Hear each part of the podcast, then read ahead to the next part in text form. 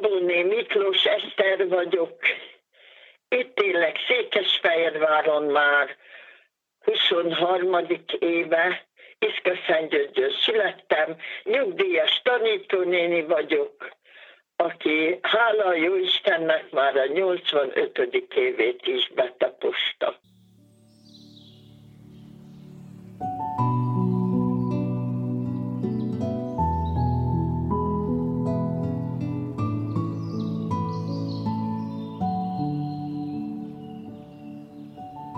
Különleges időszakot élünk, van mögöttünk már egy bő év, ahogy beköszöntött a koronavírus járvány, ami nagyon sokunk életét megváltoztatta nagyon sokféleképpen.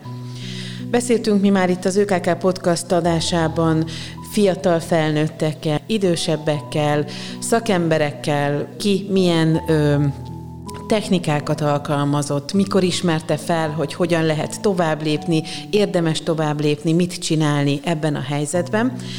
És a mai beszélgető társam egy nagyon kedves hölgy lesz, Szabóné Miklós Eszter, aki bátran és én azt gondolom, hogy boldogan vállalja a korát is, és nem kisebb feladatra vállalkozott, mint hogy egy szolgálatot vállalt ebben a COVID időszakban, méghozzá verses szolgálatot. A vers és Eszter néni neve persze nem választható el egymástól, hiszen azért akik figyelemmel kísérik a székesfehérvári kulturális irodalmi életet, ők bizony többször is hallhatták őt a Vörös Marti Társaság eseményein verset szavalni, valamint a Fejér megyei kortárs nyugdíjas Kimit tud rendezvényeinek is rendszeres versenyzője, fellépője Eszter néni, aki most vállalta az interjút, annak kapcsán, hogy hogy is indult el ez a verses szolgálat, a Covid időszakban?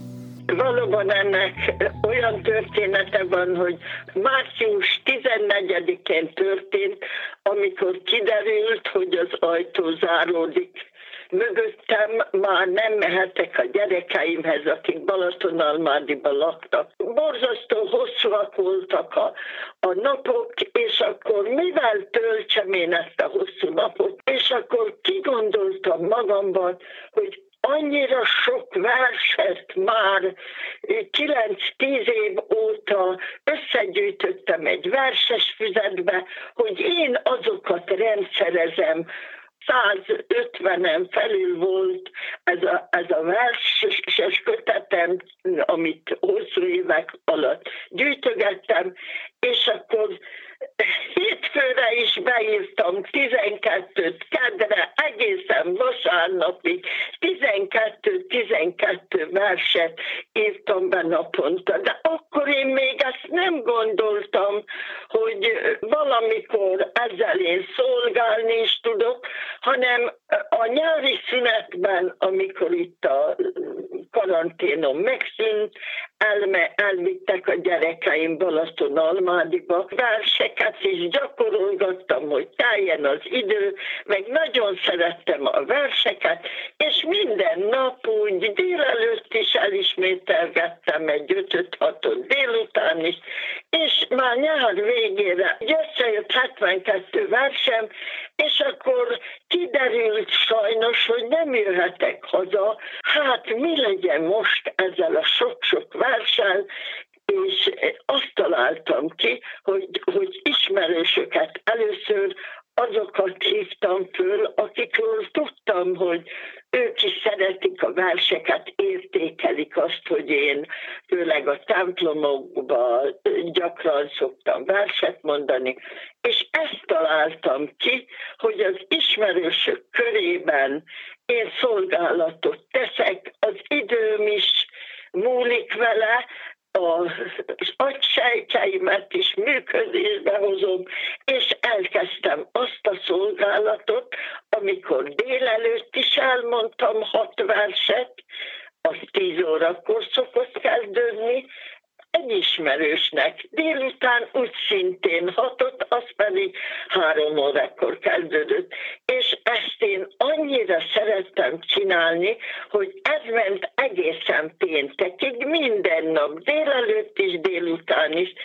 Szombat az pihenő nap volt, azt kihagytuk. Tehát csak a hétfőtől pénteki verseim kerültek a szolgálatomba almádis karanténomnak ugye vége szakadt halottak napján jöhettem először haza Székesfehérvárra, és akkor új hallgatókat is kerestem magamnak, és már annyira alakult, ment a híre, hogy én ezt ezzel a szolgálattal töltöm a karantén időszakomat, hogy már olyan is volt, hogy megkérdezte, hogy van-e még, van-e még háj, hogy be tudnám-e őt is, meg őt is még venni, és így terjedt a híre, és annyi jelentkező, önként jelentkező volt, hogy dupla műszakot állítottam be. Délelőtt is két telefonhívásom volt, meg délután is két telefonhívásom, akkor már napon naponta 24 verset mondtam el. És ez az én örömöm is volt, mert úgy mondtam a verseket, akkor már úgy begyakoroltam őket, hogy, és nekem is ez volt a lényeges, hogy ne olvassam, hanem mondjam, mondjam őket, sokkal jobban át tudtam én is érezni a versek mondani valóját, hangulatát, és egyre jobban éreztem azt, hogy aki hallgatja a versemet, az is felüdül, meg, meg várták. Tehát aki a telefon másik végén hallgatta, az tulajdonképpen egy előadást hallhatott. A verseket a hallgatók választották meg. Igazság, hogy itt azokat én állítottam össze. És ahogy a régi gyűjteményem, egy nagyon szép verses gyűjteményem van, és hogy ez nem menjen tönkre, mert már annyit használtam ezt a verses könyvemet, hogy be is köttettem, hogy amikor föllépek, akkor szép verses könyv legyen a kezembe, és gyakorlatilag ennek a védelmébe írtam át kézírással több mint 120 verset.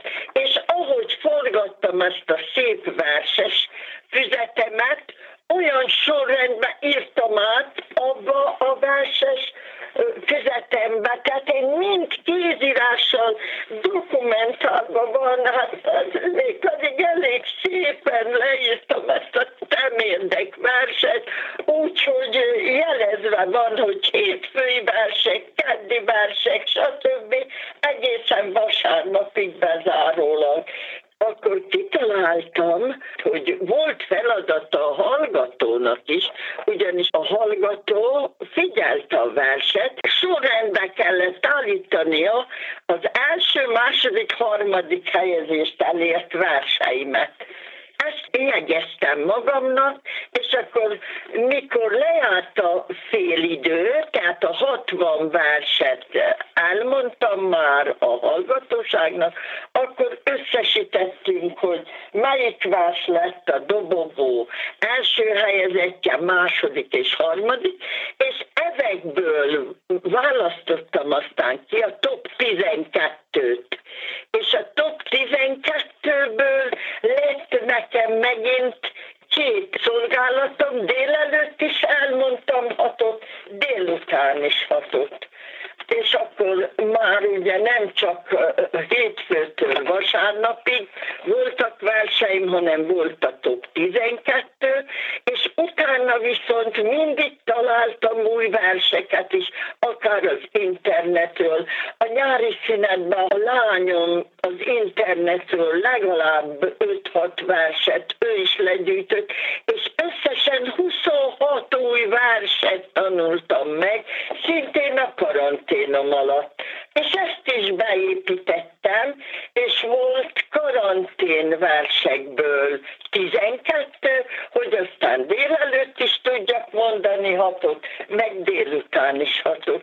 Régi emlékkönyvemet lapozgatva, ugye régi hétköznapjainkban sokszor nem is volt arra időnk, hogy a régen megírt emlékkönyveket megnézzük, de most arra is sor került, hogy az emlékkönyvem is előkerült, és 58-ban írtak hozzám két verset, és azután is egy tanítvány tanítványom, egy hetedik osztályos tanítványom, Pintér Anna egy anyák napjára írt hozzám verset, és azon kívül is megvoltak a gyűjteményemben, és 12-t ebből is beválasztottam a, a csomagomba.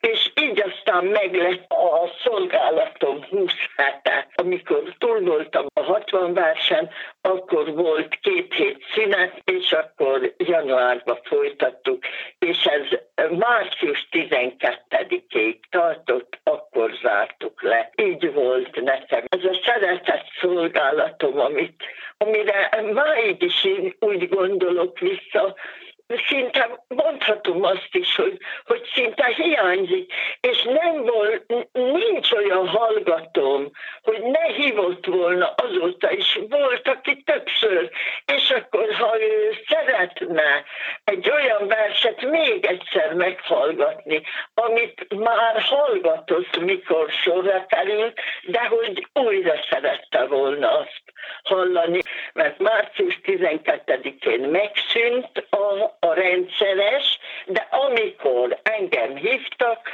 akkor mindig lehetett kívánságverset kérni, mert is ezeket én megtanultam annak idején, jól begyakoroltam, és bármikor spontán jöhetett ilyen kérés, kérdés amit, amit utána megbeszéltünk, sőt még olyat is, hogy, hogy elemeztük egy kicsit a mondani valóját a versnek.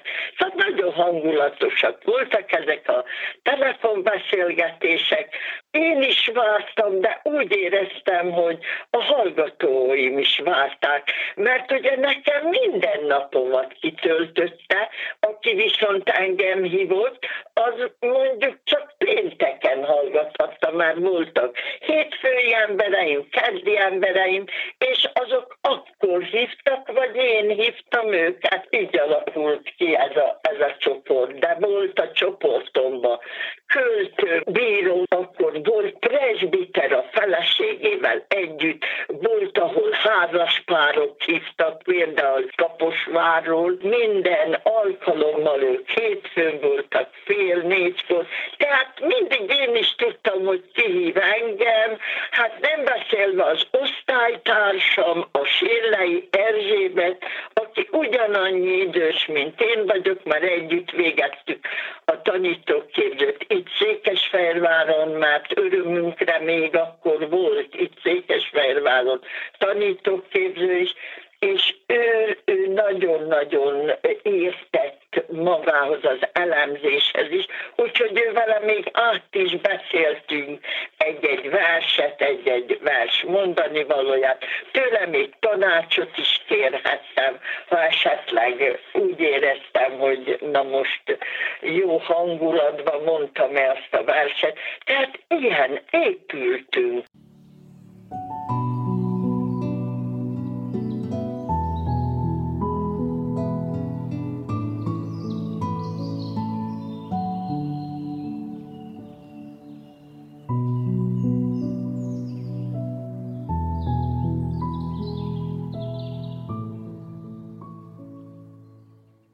Szolgálatnak azért volt előzménye a versek szeretetével, illetve a fellépésekkel. Nem egy ki mit tud volt, ahol Eszter néni a színpadra lépett, hogyha jól tudom.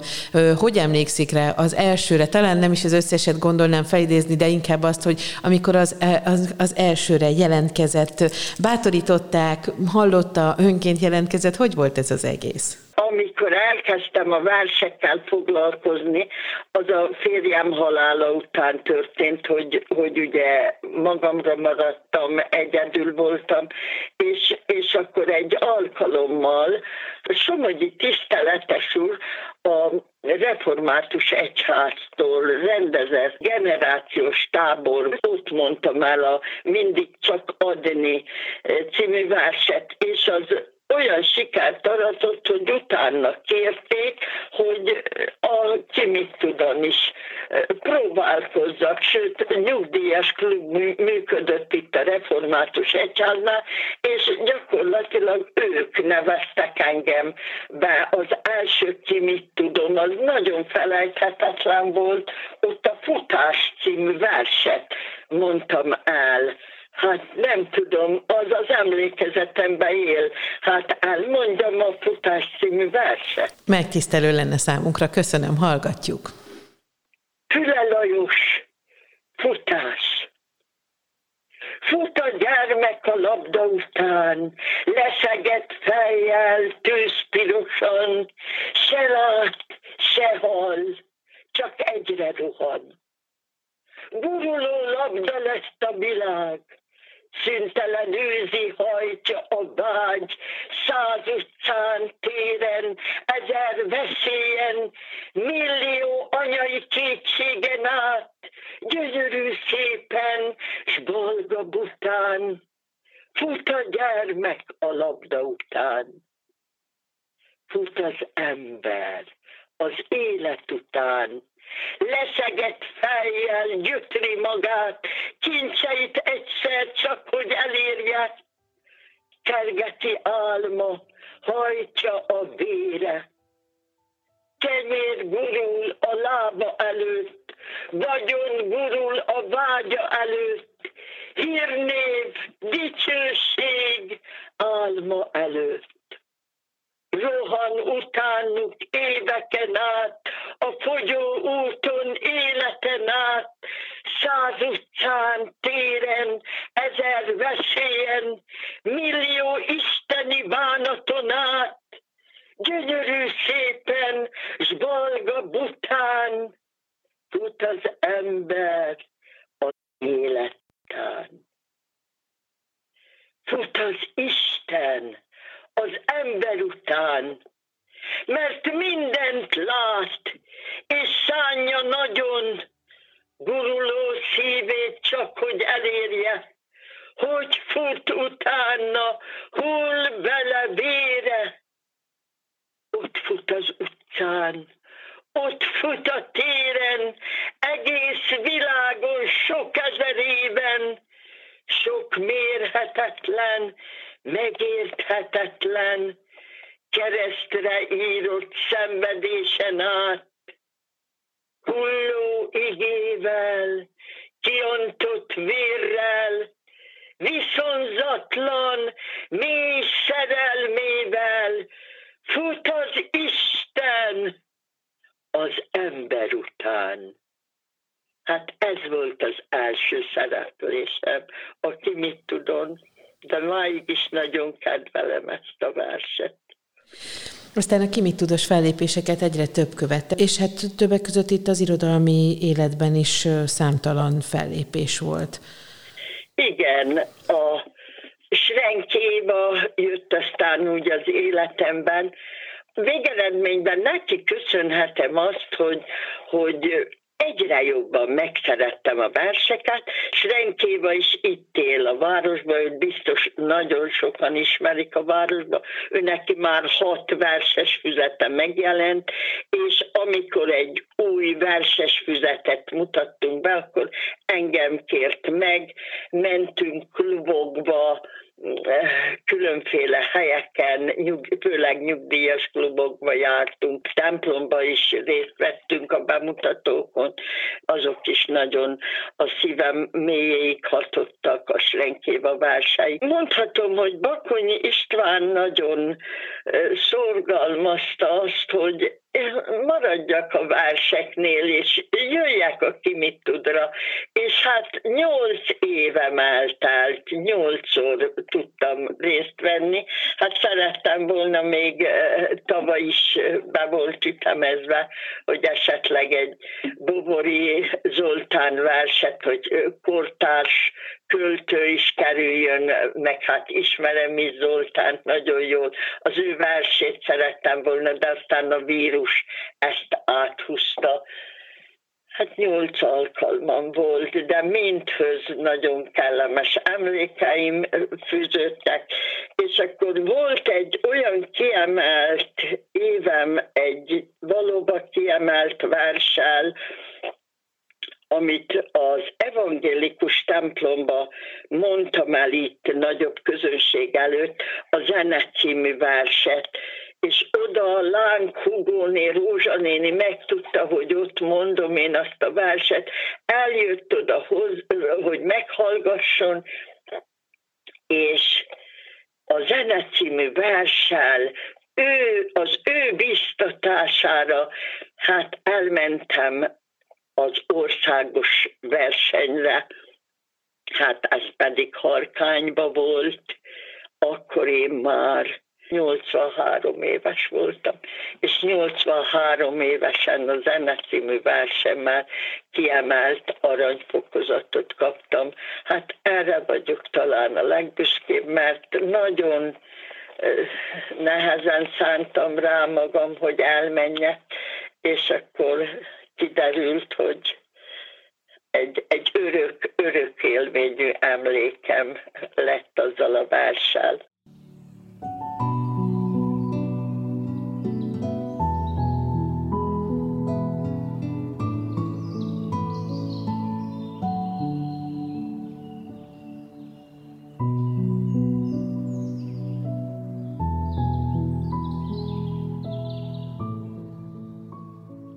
Ebben az elmúlt egy évben is ugye nem csak az eddig elmondott versek szerepeltek a repertoárban, hanem bizony újakat is tanult Eszter néni.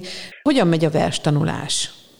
Hát ugye fiatalabb koromban én, hát azt említettem már, hogy pici korában Erikám, mikor kicsi volt, ilyen gyerekverseket mondtam, de én amikor tanítottam, és kötelező verset, hát alsó tanítónéni voltam, azok közül is főleg az első-második osztályosokat szerettem igazán, azokhoz kötődött legjobban a szívem, és a kötelező verseket én sose úgy olvastam föl, hanem mindig úgy mondtam el a gyerekeknek. De én felnőtt koromban nem foglalkoztam versekkel, és sose szavaltam, hát mondjuk hetedik, nyolcadik osztályos koromban, ha a tanárnéni kérte tőlem, akkor szavaltam, hanem azzal a tábortűzzel kezdődött nekem el, hogy ott nagyon sok ember, kétszáznál többen voltunk, és ott a tábortűznél a Mindig csak adni című verset elmondtam, a Mindig csak adni című vers indított el. Ez volt az indító, és akkor utána egyre többen kértek, hogy a templomokba lépjek fel, és úgy tanulom a verseket, hogy először elolvasom magamnak, és csak az kerül a gyűjteményembe be, ami nekem is megérinti a szívemet, és hogy, hogy azt én nagyon szívesen mondom a hallgatóság előtt. Mik a következő tervek? Ugye a szolgálat március 12-én véget ért idén, de hát gondolom azért a versek keresése, a tanulás, a készülés azért az nem ért véget. Hát hiszem, még, még élek, és az elmém fölfogja a verseket, azóta engem kísérnek a versek, nagyon szeretem őket, és hát boldog család vesz körül, és a karanténom alatt azért is voltam én nagyon egyedül, nagyon elzárva, mert minden családtagom veszélyes helyen dolgozott fogorvosként, a kisebb unokám orvosként Pesten dolgozik, a lányom a vejem meg a Veszprémi kórházba, álltak helyt, bizony most a vírus időszaka nagyon, nagyon nehéz volt nekik. Én így tudtam átvészelni azt a fájdalmat, amit irántuk éreztem, főleg a lányom az ugye belgyógyász, és volt eset, amikor 24 órás ügyeletet kellett neki tartani a Veszprémi kórházba, és akkor bizony nagyon sokszor imádkoztam értük, és, és a karantén versem között van a legcsodálatosabb imádság, amit Kányádi Sándor írt. Szinte nap mint nap hallgatok a YouTube-ról egy-két verset, és egyszer ott én rátaláltam. De nagyon régen ezt is már nekem a Veszprémi barátnőm elküldte, tehát az emlékemben már ott élt ez a, ez a vers, hogy olyan jó lenne ezt is megtanulni, de nagyon féltem tőle, hogy hosszú ez a vers, hát én már öreg vagyok ahhoz, hogy én ezt megtanuljam, tanuljam, és mit ad Isten, a karantén arra is adott erőt, hogy én ehhez a hosszú vershez is hozzáfogtam, ami gyakorlatilag most már elmondhatom, hogy szinte napi imádság, bármelyik nap, ha eszembe jut, hogy, hogy én azt elmondjam, akkor jön egy gondolat, és elkezdem. És akkor most is nagyon nagy szeretettel, szívem kitárva, szeretném ezt a gyönyörű verset elmondani. Tányádi Sándor, az én miatyánkom mikor a szíved már csordultik tele, mikor nem csenget rád soha senki sem, mikor sötét felhő borul életedre, mikor kiket szeretsz, nem jutsz az eszükbe, ó lélek, ne csüggedj, ne pusztulj bele, nézz fel a magasba, reményteljesen, s fohászkodj. Mi atyánk, ki vagy a mennyekben.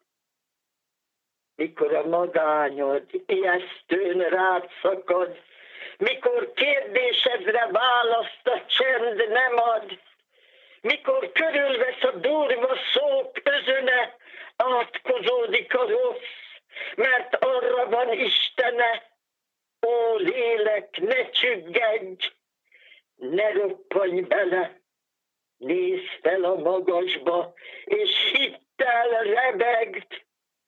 Uram, szenteltessék meg a te neved.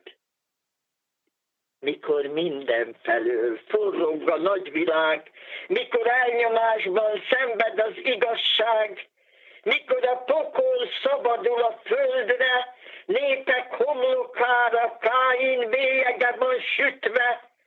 Ó lélek, ne csüggedj, ne törjél bele, nézz fel a magasba, hol örök fény ragyog, s kérd, Uram, jöjjön el a te országod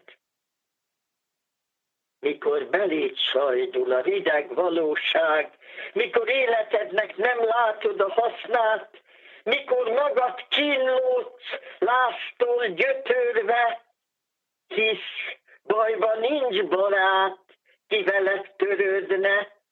Ó, lélek, ne csüggedj, ne keseredj bele, nézz fel a magasba, hajtsd meg homlokod, s mond, Uram, legyen meg a te akaratod. Mikor a kisember fillérekben számol, mikor a drágaság az idegekben táncol, mikor a gazdag milliót költ, hogy éljen, millió szegény a nincsből hal éhen, ó lélek, ne csüggedj, ne roskadj bele, nézz fel a magasba, s tedd össze két kezed, s kérd, Uram, add meg a napi kenyerünket. Mikor életedben lassan belefáradsz, mikor hited gyöngül, sőt, ellene támadsz. Mikor, hogy imádkozz, nincs kedved, se erőd, minden lázad benned, hogy tagad meg őt. Ó, lélek, ne csüggedj, ne egyezz bele, nézz fel a magasba, s hívd Istenedet. Uram, segíts, s bocsásd meg védkeimet. Mikor hittél abban, hogy téged megbecsülnek, munkád elismerik, lakást is szereznek, mikor verítékig hajszoltad magad, Később rádöbbentél, hogy csak kihasználtak. Ó, lélek, ne csüggedj, ne es kétségbe, nézz fel a magasba, sírd el teremtődnek. Uram, megbocsátok az ellenem védkezőknek.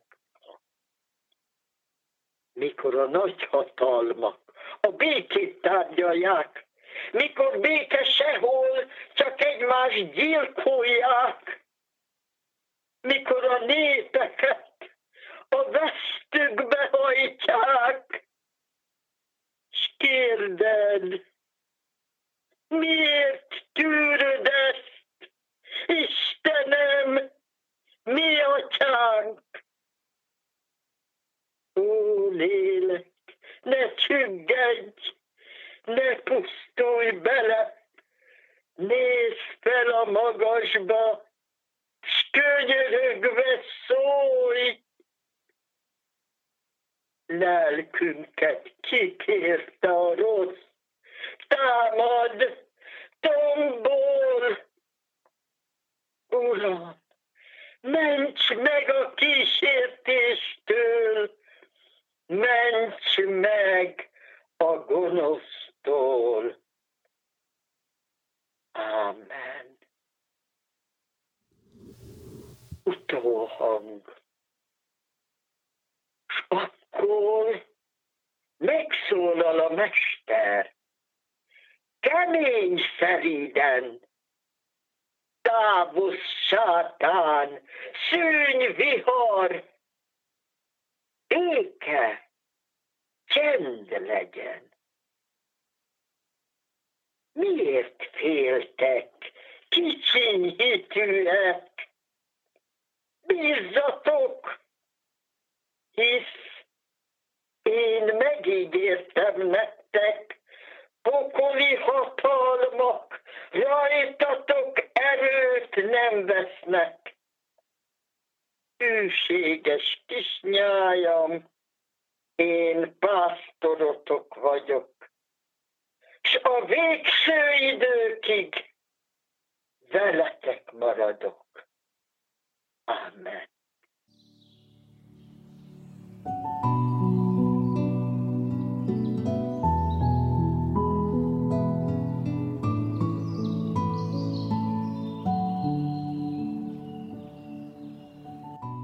Az ÖKK Podcast mai epizódjában beszélgető társam Szabóné Miklós Eszter volt.